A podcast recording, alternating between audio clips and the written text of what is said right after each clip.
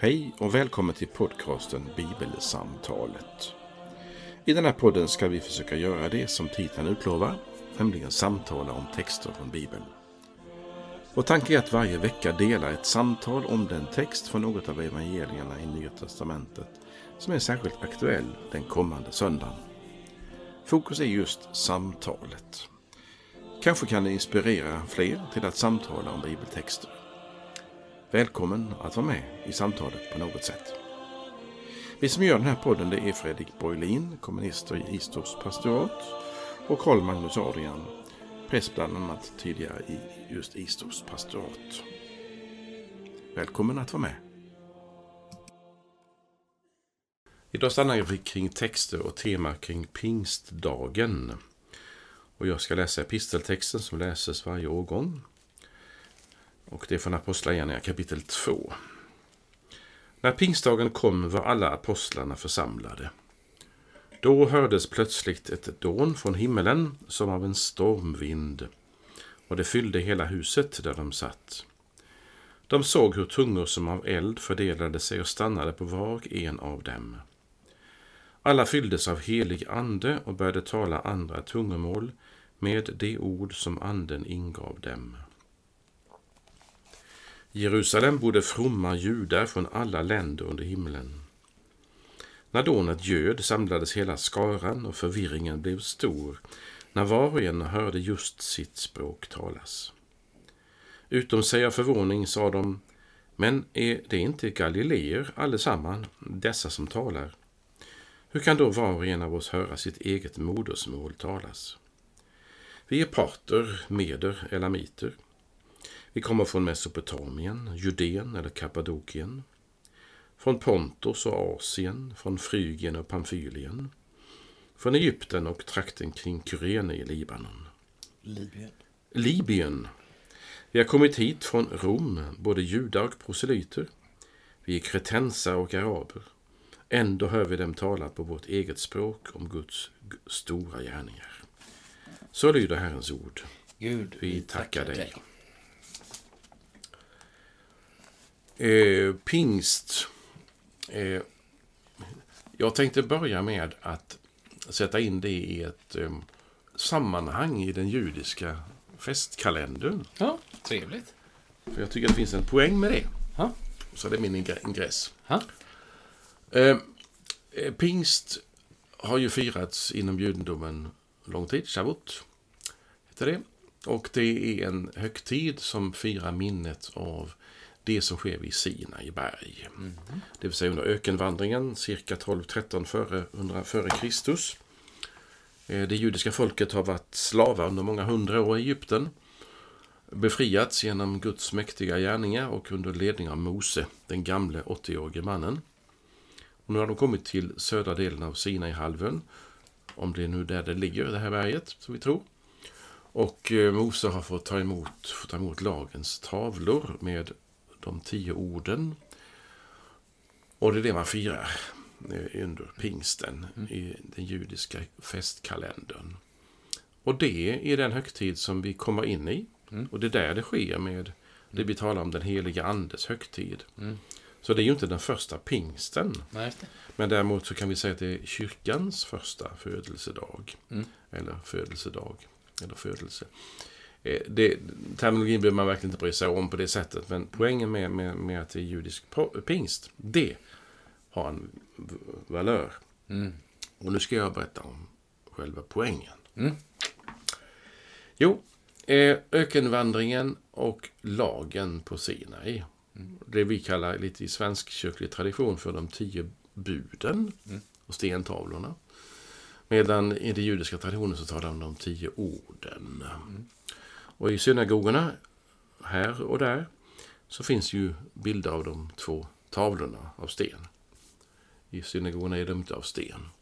Och där har de tecknat begynnelseorden, eh, begynnelsebokstaven på de tio orden. Uppifrån höger och så fortsätter det, får man läsa ifrån höger. Och det första ordet, det är Jag är Herren din Gud som har fört dig ut ur Egypten. Och så kommer det vi kallar för det första budet. Eh, Du ska inga andra gudar hava jämte mig, eller vilken översättning vi nu använder. Ehm, Men eh, det första ordet är alltså Jag är Herren din Gud som har fört dig ut ur Egypten. Eh, Och sen kommer, på hebreiska är det ju någon sorts indikativ, det vill säga konstaterande. Du har inga andra gudar jämte mig. Och ehm, då läser man det mycket enkelt utan att förvanska språk, det språkliga. Att jag är Herren är Gud som har fört dig ut ur Egypten. Eh, Därför har du inga andra gudar jämte mig och därför missbrukar du inte mitt namn. Jag är Herren är Gud som har fört dig ut ur Egypten och därför håller du min sabbat helig och så vidare. Så varje, det vi kallar för varje bud får sin, sitt förord i budskapet Jag är Herren din Gud som har befriat dig. Alltså budet står som en konsekvens, som en fortsättning på att Gud markerar sig själv. Det är han som är i centrum, Gud, som har befriat dem ur Egypten. Därför får de buden och därför ska de lyda buden, följa dem. Eh, som en del av eh, privilegiet att vara Guds folk. Och då kan man säga för att eh, föra över detta till svenskkyrklig, men framförallt till allmänkyrklig tradition. Att det som händer det är att först hör vi evangeliet om Kristus. Och det är, det är ju den allmänkyrkliga traditionen. Vi berättar om Jesus, Guds son, världens frälsare. Det är evangeliet. Och när evangeliet är förankrat hos oss, och när vi upptäcker att vi är kristna, genom dopet, genom tron, så följer av det att vi vill göra det som är gott. Alltså, man kan säga, om man nu använder de tio buden, så kan man säga att eftersom du, Fredrik, är skapad och älskad av Gud, försonad i Kristus, så finns det ingen annan Gud för dig än den levande guden. Jesu Gud och Fader och din Gud och din Fader. Eftersom eh, han har försonat mm, eh, Kristus världen med sig, så håller du Guds namn heligt. Eh, Sen kan man diskutera om en hednings, som du och jag är, vi är inte judar, ska hålla buden och lagen. Det, är ju, det behöver vi inte gå in på nu, men det är inte avgjort så att buden gäller för en kristen människa. Det har de första apostlarna varit väldigt tydliga med, apostlagärningarna kapitel 15. Att eh, judarna har fått buden och lagen och inte hedningarna. Sen är det mycket i de tio buden som är allmänmänskliga och därför en del av också vår skatt, vår tradition, vår kultur. Men det jag vill sluta med i den här ingressen det är att lagen är alltså i det judiska sammanhanget mycket positiv. Därför att det är ett exempel på att Gud har befriat dem. Därför får de lagen. Därför får de buden. Och det finns en rolig historia som jag inte minns, men jag minns bara slutsatsen. Och det är att Gud säger, vill ni ta emot mina bud, mina ord? Säger Gud i Sinai. Så frågar de, hur många är det? Det är tio. Och då svarar judarna, kan vi inte få fler? Alltså det är så positivt med lagen. Det är inte liksom i svensk tradition, åh vad jobbigt med massa förbud. Får inte göra det och inte det och inte det. Nej, det har från början inte den valören. Sen finns det många exempel på att buden i Gamla Testamentet också är besvärliga och svåra att hålla. Men det hör inte hit just nu. Nej. Och då menar jag, i den här kontexten, sammanhanget, så kommer den kristna pingsten in med anden. När de firar lagens givande på Sinai så firar vi andens utgjutande. Så det är anden och lagen som är liksom huvudingredienserna i temat. Och det kan väl få någon som lyssnar att, att börja associera och fundera, men det ska jag inte ta just nu. Nej. Så här var min lite långa inledning. Ja, det gör ingenting. Nej. Nu kan du antingen kommentera eller så kan du ta din entré. Jag tänker, nej men jag vill, då vill jag först kommentera och sen ta min entré. Eh, jag, jag stannade till inför och nu... Eh, jag letar ju efter något saltarord nu som jag inte kommer på vilket det är. Men just det här kombinationen av... Ibland tänker jag, du är också mycket tydligt med dina händer, det, det ser inte den som lyssnar, men det här med å ena sidan sätter vi på ena handen lagen, å andra sidan sätter vi på andra handen anden. Eh, och det finns ju en risk, inte minst som du påpekade så bra, Carl Magnus, i, i, i, i Sverige, det här med frihet och... och oh, får man inte göra det här nu, vad är det förbud? Och, och så blir liksom då anden... Eh, det finns en risk att vi ställer dessa båda mot varandra. Alltså ungefär att... Eh, nej men jag, jag låter Guds ande leda mig så jag behöver liksom inte ta hänsyn till varken människor eller bestämmelser eller någonting. Och jag behöver inte jag kan köra hur fort jag vill på riksväg 41 här, för jag är, jag är andeledd och så. Alltså det, det, men det, det, jag, jag undrar om det inte är någonstans i Psaltaren 119. Det är ju också den längsta salmen, så mm. det är troligast att den är där. Nej, men det här att liksom, att, att Gud ska liksom skriv din lag i mitt hjärta. Så man, där får jag in någonstans att nej, men det är anden som är med där på något sätt. Eh. Ja, det finns ju med i parentes i mm. pingstdagen att Gud ska, ska skriva i hjärtat. Mm. Och inte på stentavlor. Mm. Ja, men det är parentes mm. slut. Mm. Fortsätt. Och det är, alltså, det är också när vi liksom då tänker på så att säga den pingstdag som var en pingstdag redan när vi kommer till texten. Så att mm. säga. Eh, redan det, det, det är liksom den lag som man firar och, och, lyfter upp. Och så händer någonting annat som gör att vi har en, vi har en annan betoning på pingstdagen och, och, och ska så ha.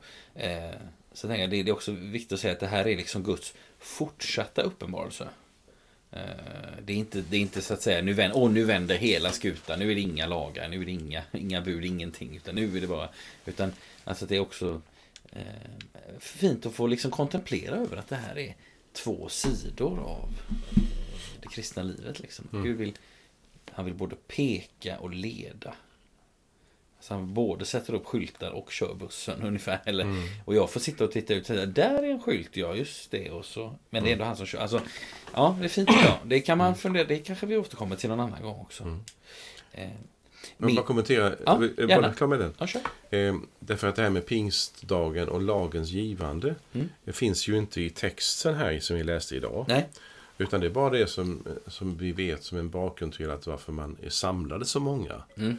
Och det kanske bara ska säga något ord om att mm. det finns ju massa både pilgrimer och turister i Jerusalem både under påsken och mm. under pingsten. Det har inte gått så mm. lång tid efter påsk ju. Nej. Eh, så att vi har kommit tillbaka till det sen med den internationella prägeln. Mm. Men alltså det är ju människor som är där av någon anledning. Mm. Och det de firar ju fest, festerna. Mm. Eh, det, alltså osigade brödets högtid, påsken mm. och så nu pingsten. Mm. Så det, det, är ett firande. Och då tackar man Gud för det som har hänt på Sinai. Mm. Alltså Gud har gett lagen. Det vill säga Gud har gett sin uppenbarelse, Gud har gett sig själv till människan. Därför är man så glad för lagen ju. För mm. det är Gud som har uppenbarat sig på något vis. Mm. Då, vill jag, då vill jag haka tag i det du sa innan jag går vidare. Eh, för jag, jag stannar till med en sak. För jag tänker så här att alla de här folken som nämns, eh, folkgrupperna och områdena och länderna, alltså den här ganska långa uppräkningen som mm. kom i slutet där av texten. Så, så tänker jag, nej, men jag har alltid tänkt så här, men det är, det är människor som har kommit dit för att fira den judiska pingsten. Alltså det är en av liksom, mm. vallfarterna under året. Mm. Eh, men så står det så här. Eh, och det märkte jag först när jag liksom läste den här texten nu inför att vi sitter här och samtalar. Står det så här. I Jerusalem bodde fromma judar från alla länder under himlen. Och så tänker jag så här. Jaha, men var det inte människor som var där tillfälligt? Och då tänkte jag. Jag läste från Bibeln 2000 och du slår nu upp Ja, ja. Kan inte du bara... För jag, jag, jag, har alltid haft någon bild att nej, men, de är väl samlade där just nu. De bor väl inte där? Det kan de ju göra också, men jag har alltid tänkt att liksom, nej, men, det är väl människor som är tillfälligt på besök i Jerusalem. Eh, nu skulle vi kunna kolla ett, ett verb eh, som jag inte vet om det är skillnad på det. Mm. Men jag läser det inte som du. Mm. Därför att om det är turister som bor i Jerusalem, eller pilgrimer, mm. kalla dem vad du vill, mm. som har bott där i tre veckor. Mm. På hotell, gästhem, Mm. Hemma hos, mm. tält, vad som helst. Mm. Så är de ju boende där. Mm. Och det skulle jag vilja veta, och det, det upptäcker ju den som lyssnar nu, att här finns ju en brist mm. som inte har kollat det här nej, ordet. Nej. Men jag menar, för att jag skulle vilja förenkla eh, det du säger och säga så här. Mm. Vi har ingen aning om hur de, huruvida dessa personer är bofasta för gott. Nej. Eller de är där så att säga, x antal veckor eller dagar. Men, men, poängen är ju mm. Men jag vill gärna komma till det om en stund. För att mm. jag, vill, jag tycker vi ska gå igenom de här platserna också. Mm. Det vill säga det är en internationell gemenskap, mm. grupp. Som är med, med olika språkgrupper också. Mm. Ja.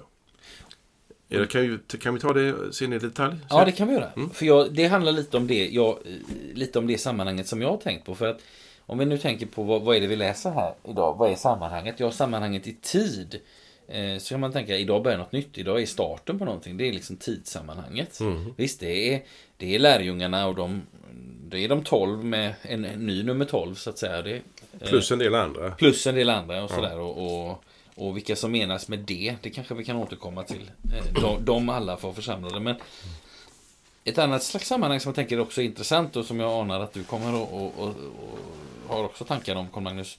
Det är ju sammanhanget rum eller geografi eller platser liksom. Eller kanske ännu hellre riktning. Mm. Eh, vi läser ju om alla de här platserna. Mm. Eh, det som händer i texten händer i Jerusalem. Men vi läser om att det nämns en massa olika platser mm. där människor eh, kommer ifrån. Eller de har tidigare varit där. Eller, ja. Det finns kopplingar till alla mm, dessa platser som nämns. Och så tänker jag så här, då gör vi ett litet geografiskt experiment. Alltså, vi föreställer oss en karta ungefär. Vi kan tänka oss en, ja, som en tavla. Den är bredare än vad den är hög. Liksom. En, ett, en liggande A4-papper, fast mm. större. Eh, och så tänker vi oss den kartan på det här pappret. Och så i absoluta mitten så ligger Israel och där ligger eh, då Jerusalem liksom i kartans mm. mitt. Mm. Och i väster så ser vi södra Europa och vi ser norra Afrika. Eh, och i öster så kan vi se Iran och vi kan se Arabiska halvön och vi kan se bort mot liksom Kaspiska havet och sådär. Mm. Och om vi nu på, på den här kartan skulle sätta ut alla platser som nämns, alla områden, alla folkslag. Eh, och kanske till och med rita pilar från Jerusalem ut till de här mm. platserna. Mm, mm, Eller lika gärna, vi kunde rita pilar från de här platserna och in mot Jerusalem. Eh, då skulle vi se att de platserna från Jerusalem sett de ligger verkligen åt alla håll. Alltså det är söderut mot Egypten. Det är lite sydost mot, tackar. Det är sydost mot eh, Kyrene i Libyen. Det är Kreta. Det är ju rätt så mycket öster. Det är Rom som är, eller väster då. Det är Rom som är nordväst. Och det är liksom norr upp i Turkiet nämns ju flera ställen. Frygen, Parfymen, Och sen är det många olika ställen åt, åt öster. Mesopotamien till exempel. Och eh, Parter, Meder och Elamiter är också åt det hållet. Om jag minns rätt. Så det är ju verkligen att det finns en poäng i att skulle vi rita från Jerusalem pilar ut i alla de här områdena så är det verkligen ja, men det är åt alla håll. Mm. Helt enkelt. Mm. Och det tänker jag, det, eh, du kanske vill, hade någon mer kommentar om det här internationella? Ja, absolut. Jag tycker det är jättekul. Mm. Eh, vi kan ju ta det och sen kan vi gå tillbaka till textens början sen. Ja, det kan vi. Mm. mm. Jo, dels är det så att det finns ju personer som kommer från olika områden. Och de talar olika språk. Man kunde tänka sig att det står att alla pratar grekiska. Mm. För det, det, var ju det som många kunde. Mm. Eller att många pratade latin. Det kunde mm. många. Eh, och de kunde arameiska. Mm. Och de kunde också hebreiska. Mm. Man vet också att hebreiska användes till viss del som talspråk i vissa områden. Så det är inte bara arameiska som gäller. Så det är åtminstone fyra stycken stora språkgrupper. Plus mm. andra mm. naturligtvis. Kanske till och med arabiska. Mm. Det anar vi ju. Eh, och så är de där. Och det som det här genererar ju dels det som du tog sikte på, det vill säga pilarna ut från Jerusalem eller in mot Jerusalem. Mm. En sorts rörelse. Ja. Och det är intressant att efter detta, händelsen som vi nu ska prata om strax, eh, det som händer alltså, så är det ju så att de som är i Jerusalem, där är det flera tusen som kommer till tro. Mm.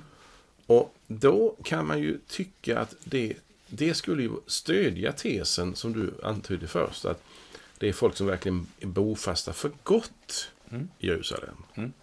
Därför att de är 3000 samlade, sen så är två kapitel senare så är de 5000 i Jerusalem. Mm. Så det expanderar ju fort kan man säga. Mm. Men det som jag tycker man kan ändå ha som en möjlighet är att från pingstdagen går det en rörelse ut från Jerusalem. Mm. Eh, och det säger jag därför att vi vet ju snart när vi tittar på eh, texter efter Bibeln, mm. även i, i, i, i Bibeln, i Nya Testamentet, mm.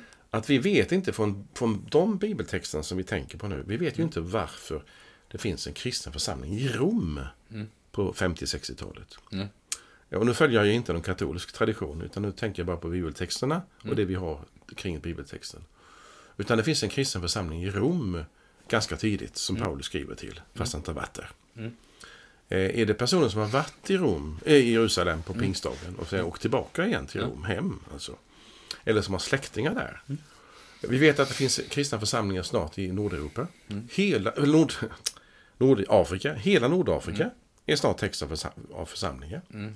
Vi vet att på 150 efter Kristus så är det församlingar upp mot Britannien. Mm. Som ju erövrades i Claudius tid som mm. kejsare. Och sen har vi en massa eh, in, eh, säga, kunskaper om, att Antiochia som ligger i Syrien är tidigt ett kristet centrum. Mm. Eh, hur kom de dit? Jo, det kommer i kapitel, om jag inte minns fel, kapitel 8.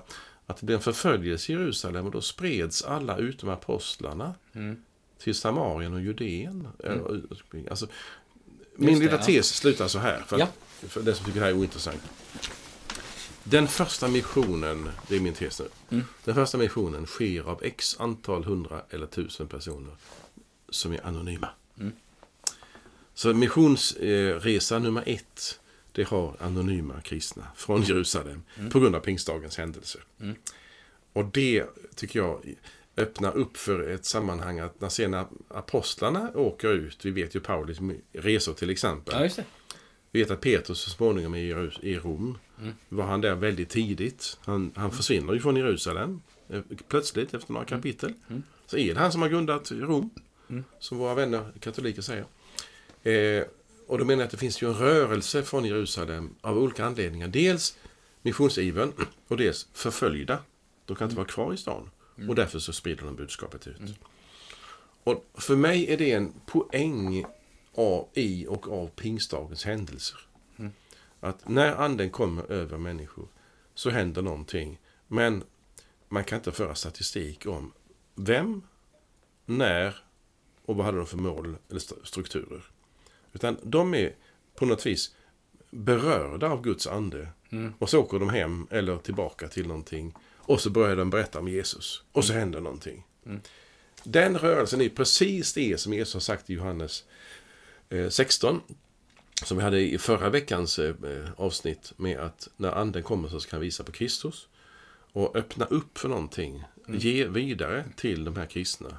Som inte är namngivna i apostlagärningarna. Som har ett uppdrag som apostlar. Det är ju en poäng att det, Alltså Jesus sprids kan man, skulle, man kan säga. Utifrån pingstdagens händelser. Ut över världen. Först anonymt och sen har vi kända personer. Eh, vad säger pastor Borlén? Tänder han på det? Tänder betyder ju positivt, Ja, alltså ja. meningen. Ja, ja. Ehm, jag tänker, nej men jag, det, jag- det jag kommer att tänka på eh, utifrån det du säger det är att, att eh, nu blir det en passus här om det är okej. Eh, så det tror jag att det är.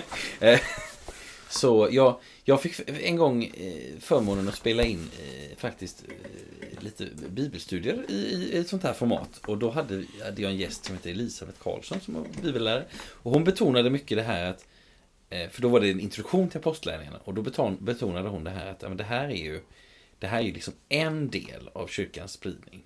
Alltså det här är, det är Pet, alltså om vi tänker på apostlärningarna som bok, det är Petrus och det är Paulus. Eh, och framför allt Paulus, Petrus fejdar ju ut sen Ja. efter halva boken och Ja, ja. då är det bara Paulus.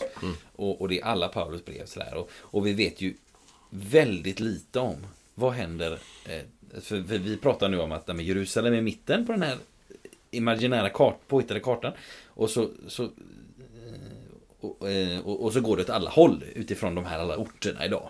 Och då tänker jag så här att sen vet vi ju väldigt mycket vad som sker väst, nordväst och nord. Och möjligen lite nordost upp till Antiochia, alltså Syrien. Alltså, där är ju apostlärningarnas verksamhetsområde. Det är där de håller på. Va? Eh, men alla de andra då? Österut, Indien, eh, k- liksom bortåt där. Eh, Egypten nämns ju ingen. Alltså jo, det finns en, en hovman. Han nämns. Han, och han, han, han döps och han kommer hem och fy- fylld av glädje. Men det är bara en enda person. Ja. Så att det, det är så här, och va- varför säger jag detta? Jo, för jag tycker att eh, detta som Elisabeth lyfter fram eh, så fint. eh, Det, för mig och säkert för andra som hörde på detta. Eh, det är liksom, ja, det stödjer ju det här att det är apostlarnas gärningar absolut, men det är också många anonyma apostlar, eller om man får säga så. Det är många anonyma lärjungar. Så det var, det, det var den kopplingen jag ville göra. Ja, det är precis detta. För jag, jag, det finns ju diskussioner om, om lämplig överskrift på den här boken. Mm. Och den lämpliga överskriften skulle kunna vara Guds ords väg ut. Mm. Eller Guds väg, eller Jesus väg ut. Och det är en poäng. Och det som då, dels när du berättar om Elisabeth och dels Mm. min lilla tes att, att det är den anonyma eh, bu, bu, budbärarna Mm. som vi kan tacka Gud för. För tar vi till exempel det du nämnde med Indien och har, Mm. har Thomas Vatte har grundat en kyrka. Den koptiska kyrkan är en av de äldsta. Den syriska är en av de äldsta.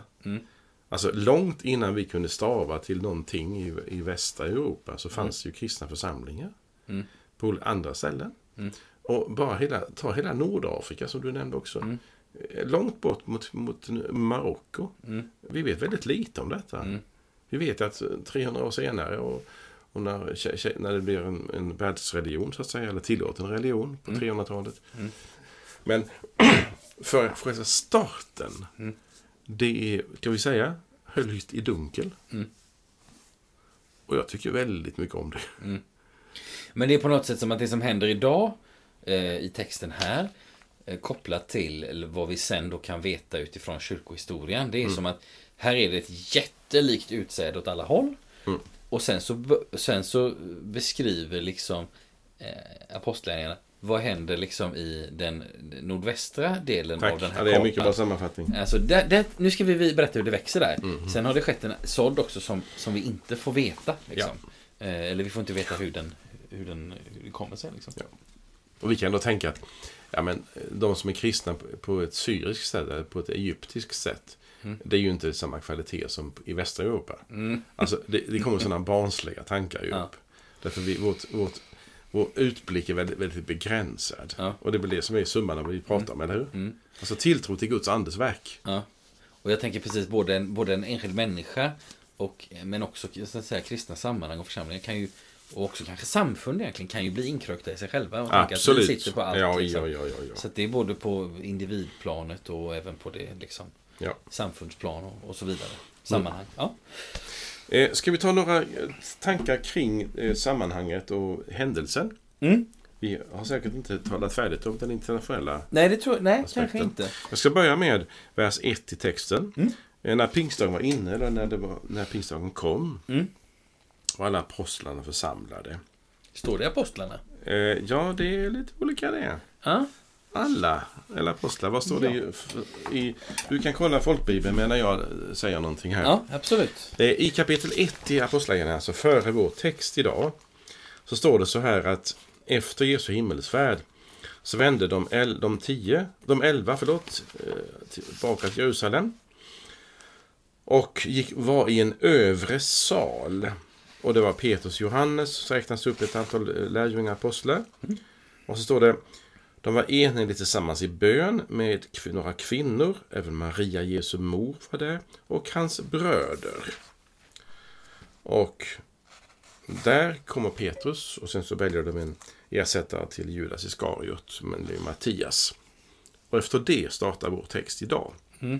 Det vill säga det finns en grupp människor, jag tror det siffran 120 nämns också i kapitel 1. Jajamän, vers Eh, 15. och eh, då är apostlarna plus, eh, plus plus säger vi. Mm. Eh, Hur översätter folkbibeln? eh, när pingstdagen hade kommit var de alla församlade. Ja, det gör Odeberg också.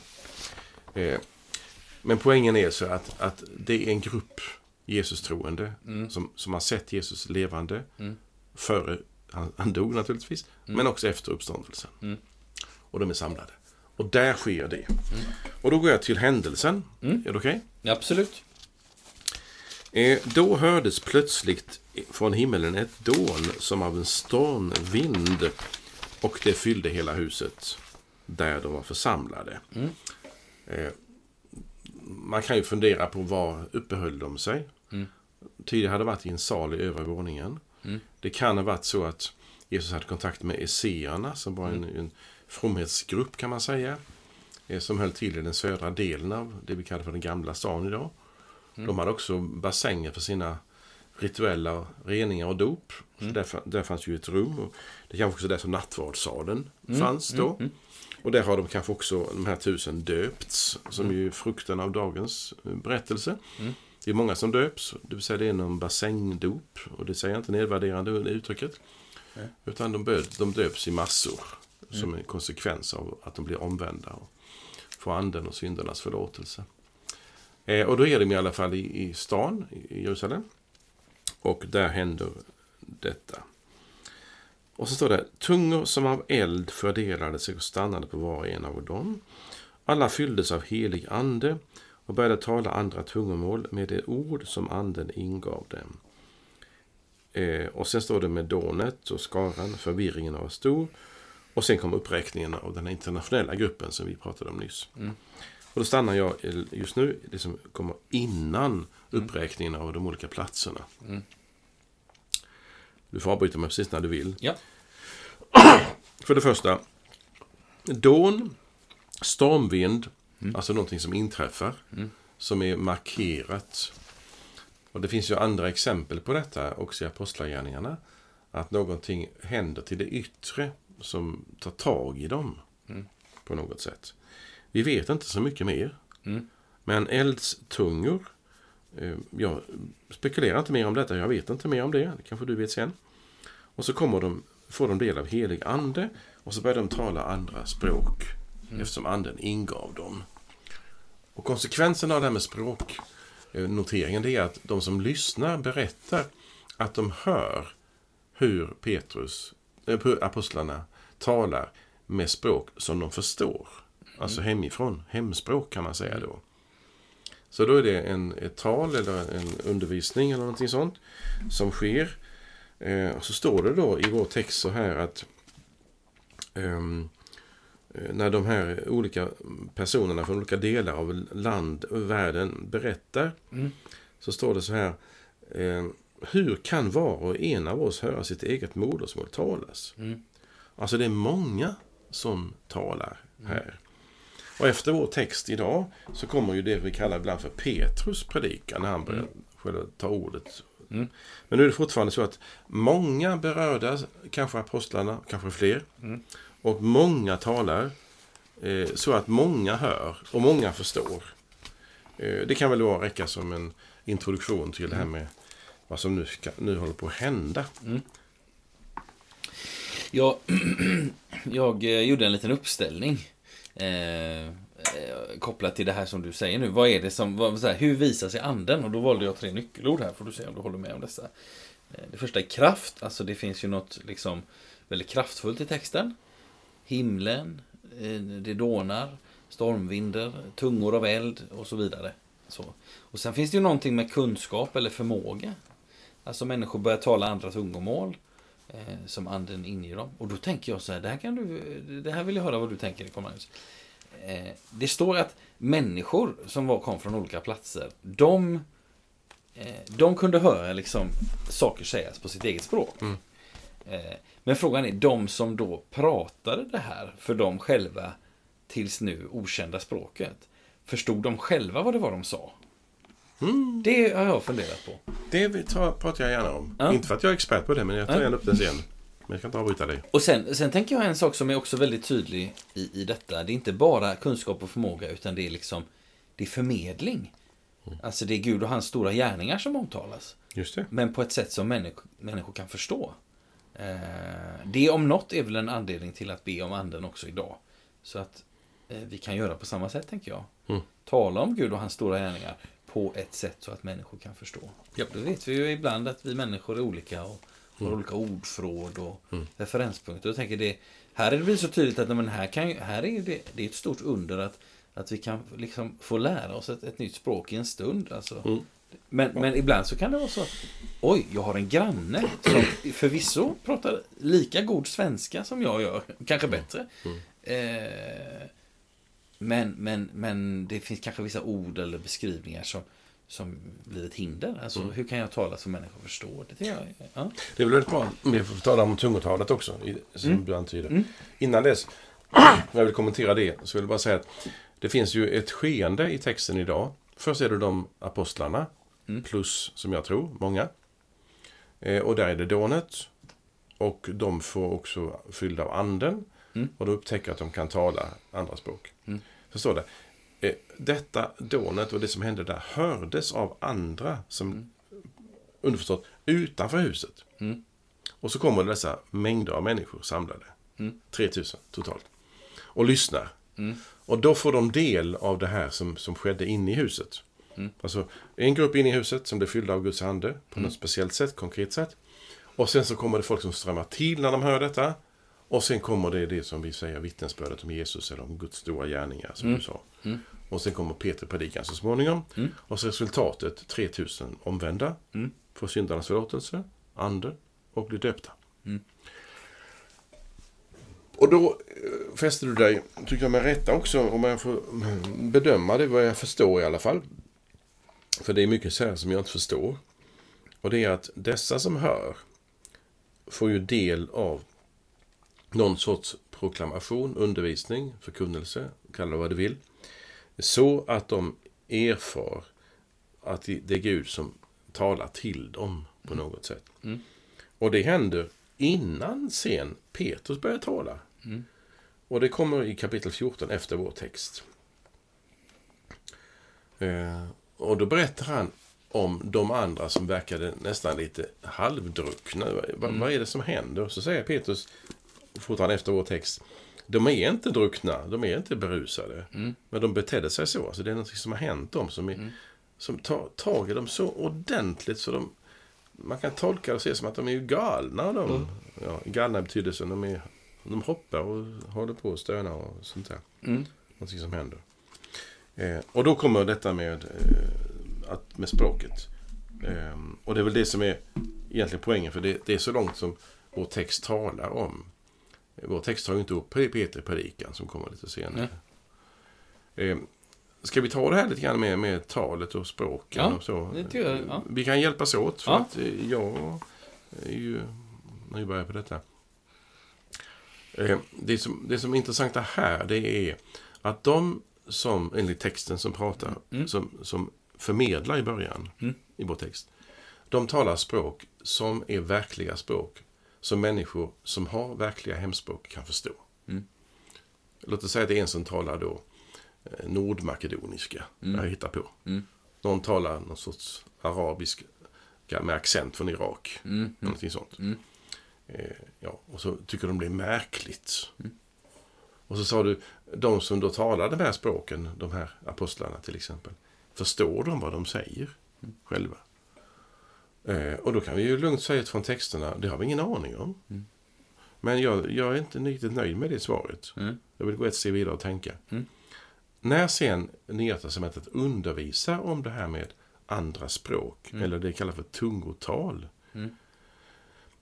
För det är, ju, det är ju elden som visar sig som tungor. Det är Mm. väl någon sorts utseende som kommer på dem. Mm. Och, så, och så berör det tungorna. Det är ju Mm. tunga fortfarande. Så kommer språket som då blir förståeligt för dem. Och då tror jag att det finns två typer av tungotal i Nya Testamentet. För att uppehålla mig där just nu. Mm. Och det ena tungotalet det är det som är verkligt språk till verkliga människor från verkliga människor som inte förstår det språket de talar. Mm. Eh, utan de, de blir förstådda och de kan efter det att de har fått den här anduppfyllelsen så kan de inte det där språket som de talade nyss. Nej. Utan i ögonblicket så kan de det. Mm. Och det finns många exempel i litteraturen efter det här. Det är ju mycket vanligt fenomen inom den här eh, tungotalsteologin och praktiken som finns i hela världen. Inte bara inom pingstkyrkan eller så.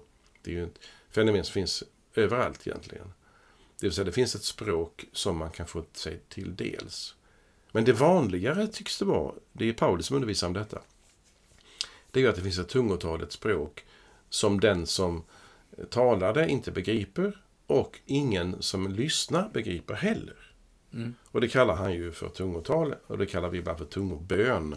Mm. Alltså att man ber på ett språk som anden ger en i stunden Mm. eller en gåva som anden har gett till den enskilda människan som man har hela sitt liv. Mm. Som man använder framförallt i sin egen bön. Mm. Och då säger Paulus när han tar upp den funktionen. Att den som har fått gåvan att tala i tungor, som det kallas. Mm. Alltså med andra tungor. Den ska hålla tyst när det gäller i, i samlingar med människor. Eh, och bara be för sig själv tyst. Om det inte finns någon som kan utlägga och förklara det som sägs. Mm. Just det, för det är också en gåva. Det är också en gåva. tolka tungomålstal. Ja, ja. Precis. Och det här är ju elementärt när man läser Paulus, till Mm. exempel första Korinthierbrevet 12 för att ta ett exempel. Det är väldigt, och 14. Det är väldigt tydligt och så. Eh, och jag vill bara sluta med att säga att på den punkten så, så verkar det som att det är inte alls säkert att de, de kan det språket de talar just i det ögonblicket. Det är Nej. teori. Eh, innan du hoppar in så ska jag bara ge ett, ett vedträd till till den här brasan. Ja. Och det är att det verkar också som att någonting med pingstdagen är att temporärt ska vi säga, upphäva problemet från Babels torn i Första Mosebok 10. Mm. När man vill bygga ett torn ända upp i himlen och Gud förbistrar, som det står i gamla översättningen, Mm. så att de inte förstår varandra. Och så mängder språk uppstår. Alltså språkförbistringen innebär att man förstår ju inte andra språk. Vi kan inte kommunicera med varandra. Nej. Och vad händer nu när anden kommer? Nu kan vi kommunicera med varandra. Vi kommer alltså närmare varandra. Ja. Genom anden så förenas vi med människor som vi annars inte förenas med. Mm. Och det är en väldigt fin tanke. Ja. Det, ska man säga, det är en teologisk underton här. Ja. Att ni är inte bara skilda från varandra genom synden och högmodet. Utan ni förenas genom anden. Alltså anden, skulle jag säga på mitt språk, anden ger mig nya vänner. Mm. Och så när Gud gör någonting med, med sin kyrka och med kristenheten idag, med människor blir väckta och omvända, så kan jag få nya vänner bland, ja, i det jag är med om just nu. Jag kan få en ny pingstvän som jag träffade nu häromdagen, som, Mm. en, som jag tror är en, en, ja, det är en fin människa som jag uppskattar mycket. Mm. Eh, det vill säga, det finns en, en närhet till människor därför att man, anden drar mig till andra och andra dras till mig och ömse, ja, på något vis, som en rörelse genom Guds ande. Ja, det var en lång entré. Mm. Ja, nej, ingen fara. kommentera. Och då skulle du säga att, nej men baserat på den här frågan jag ställde för en stund sedan, så när då, eh, när då eh, de här personerna genom Guds ande får möjligheten att tala språk som andra kan förstå, det behövs ingen tolkning, då, då, då, då förstår de inte själva vad de säger. Det tror inte jag. Nej. Därför att när Paulus tar upp det sen och förklarar de olika tungotalens funktion Mm. så skiljer han ju på det tungotalet som ska eh, förklaras, utläggas. Mm. Och det tungotalet som inte behöver förklaras och Mm. utläggas. Mm. Som man har själv, som, ett, som ett tal till Gud på något vis. Det är utifrån det Så, som jag tänker. så om jag använder en lite, jag hittar på en lite barnslig bild här då. Eh, om, vi, om vi säger så här, anden inger till Fredrik att, att du ska åka och så ska du missionera. Eh, du ska missionera i Azerbajdzjan, säger vi. Ja, Eller i Armenien. Eh, och precis det tycker jag du ska göra. eh, jag har faktiskt varit, varit i Armenien en gång. Fantastiskt land. Ja. Oj! Eh, och, eh, men jag kan ingen armeniska överhuvudtaget, inte ett enda ord. Och så kommer jag dit och så undrar jag hur ska detta gå till? Ska jag liksom prata engelska då eller vad, vad händer? Eller, eller sådär. Och så bara eh, eh, på något sätt så händer det någonting anden ger mig att nu kan jag, jag förstår att när jag pratar detta som är helt obegripligt för mig så, eh, så förstår de här personerna och tar till sig det på olika sätt. Och, så. Mm. Och, sen så, och sen så avslutas den här eh, punktinsatsen, eller vad vi kallar det. Jag kommer hem och sen så kommer jag hem och där i min brevlåda ligger kurskatalogen från Studieförbundet Vuxenskolan. Och så står det introduktionskurs eh, A, nivå A1 i armeniska. Och då, om jag förstår det rätt nu, så säger jag så här. Då kommer jag inte ha någon hjälp av, av, av min predikoverksamhet i Armenien när jag sen börjar nybörjarkursen. Utan allt kommer vara glömt. Jag kommer inte ha, liksom inte ha plockat upp någonting av. Kommer Alltså- kanske inte ens kommit ihåg hur språket har liksom låtit. Vad, vad tror du? Är Eftersom- jag eftersom hårklyverier? Är, det- är, det- är, hår, klyver jag hår nu eller är det... Alltså för mig, jag ska först säga något dumt. Det är att Mm. jag, jag har ju ingen aning om detta. Nej. Men utifrån Pauli undervisning så Mm. tror jag inte att man, kom, att man kan språket för att man har fått det en gång. Nej. Utan för jag skulle säga att kommer du till Armenien och, Mm. och träffar en person som inte är kristen och du känner att här finns en öppenhet så, så skulle du ju anropa Guds ande med Mm. höga rop och säga Kom du med din gåva till mig och ge mig eh, språket som jag kan tala med honom på. Och då kanske Guds ande gör det. Mm. Eller inte gör det. Det vet ju inte jag. Nej. Utan här är det något som sker. Och vad vi vet så är detta den enda gången Mm. som just detta har skett. Mm. Sen finns det exempel på ju att tungotalet har använts i jag har också läst litteratur om detta från, från nu, nutid. Det är ju inte något funktionellt Mm. som har slutat.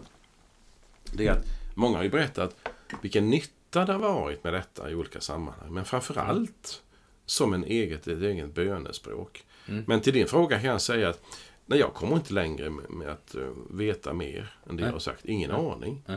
Utan det är bara en, en, en tro att det kan, möjligt kan vara så här.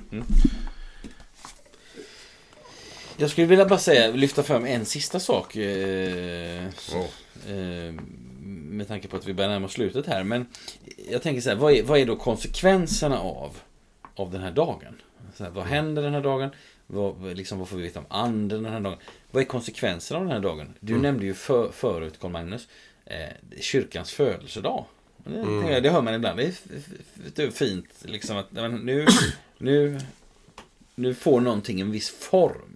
Just det. Eh, inte en stelnad form som uh, liksom. Nej, nej. Eh, utan, men någonting får någon typ av ram eller form eller vad vi nu ska kalla det. Ett gummiband. Ja, vi har ingen aning om mer än att det händer någonting i Jerusalem. Ja. Det finns ju ingen organisationsplan här ju. Nej, nej, inga organisationsnummer eller något. Och ingenting. Men någonting får någon form av form. På något sätt. ja, Okej då. Och det är det. Eh, Så tänker jag. Och det, det är... Och, och en- även en icke-form är ju en form på något sätt. Va? Men så tänker jag så här, pingstdagen är också på något sätt då, det har vi varit, då är vi tillbaka i det internationella perspektivet. Alltså det är startpunkten för en ny typ av rörelse i, ja, i Guds rike på ett sätt. Eh, Och då vill jag bara, jag vill bara backa bak lite till de allra första verserna i Apostlagärningarna. För lite tidigare där så, så har Jesus sagt någonting. Eh, precis innan han stiger upp till himlen. Så, kommer så, berätt, så säger han någonting om vad som kommer att hända då. Och det är det vi får del av idag. Så säger Jesus så här. Men ni ska få kraft när den helige ande kommer över er. Och ni ska vittna om mig i Jerusalem och i hela Judeen och Samarien och ända till jordens yttersta gräns. Underbart. Ja. Och i det uppdraget och med tillgången till den kraften, det är ju egentligen apostlärningarna. Mm. Och det är också Guds folk här och nu. Ja. Även i Öxnevalla som vi är nu då. Ja. Eh, Vi har fått uppgiften att göra det som Jesus befallde då och som också omtalas i dagens text. Med lite andra ord, men det är samma sak. Alltså tala på vårt eget språk om Guds stora gärningar. Just det. Mm. Och min lilla kommentar till det är att eh, Gud är densamme. Mm. Sen är formerna och omständigheterna och människorna väldigt olika. Mm. Men densamme är det. Och därför kan vi anropa Gud om hjälp Mm. i det vi står inför. Mm. För det är ju en del av löftet, inte att imitera pingstdagen. Mm. Utan att se vad vill Gud göra just nu och Mm. här. Mm. Det, det ber vi om. Mm. Med detta så vill vi avsluta vår lilla podd idag. Mm. Roligt att någon har lyssnat, kanske någon har gjort. Och vi önskar dig Guds välsignelse. Mm.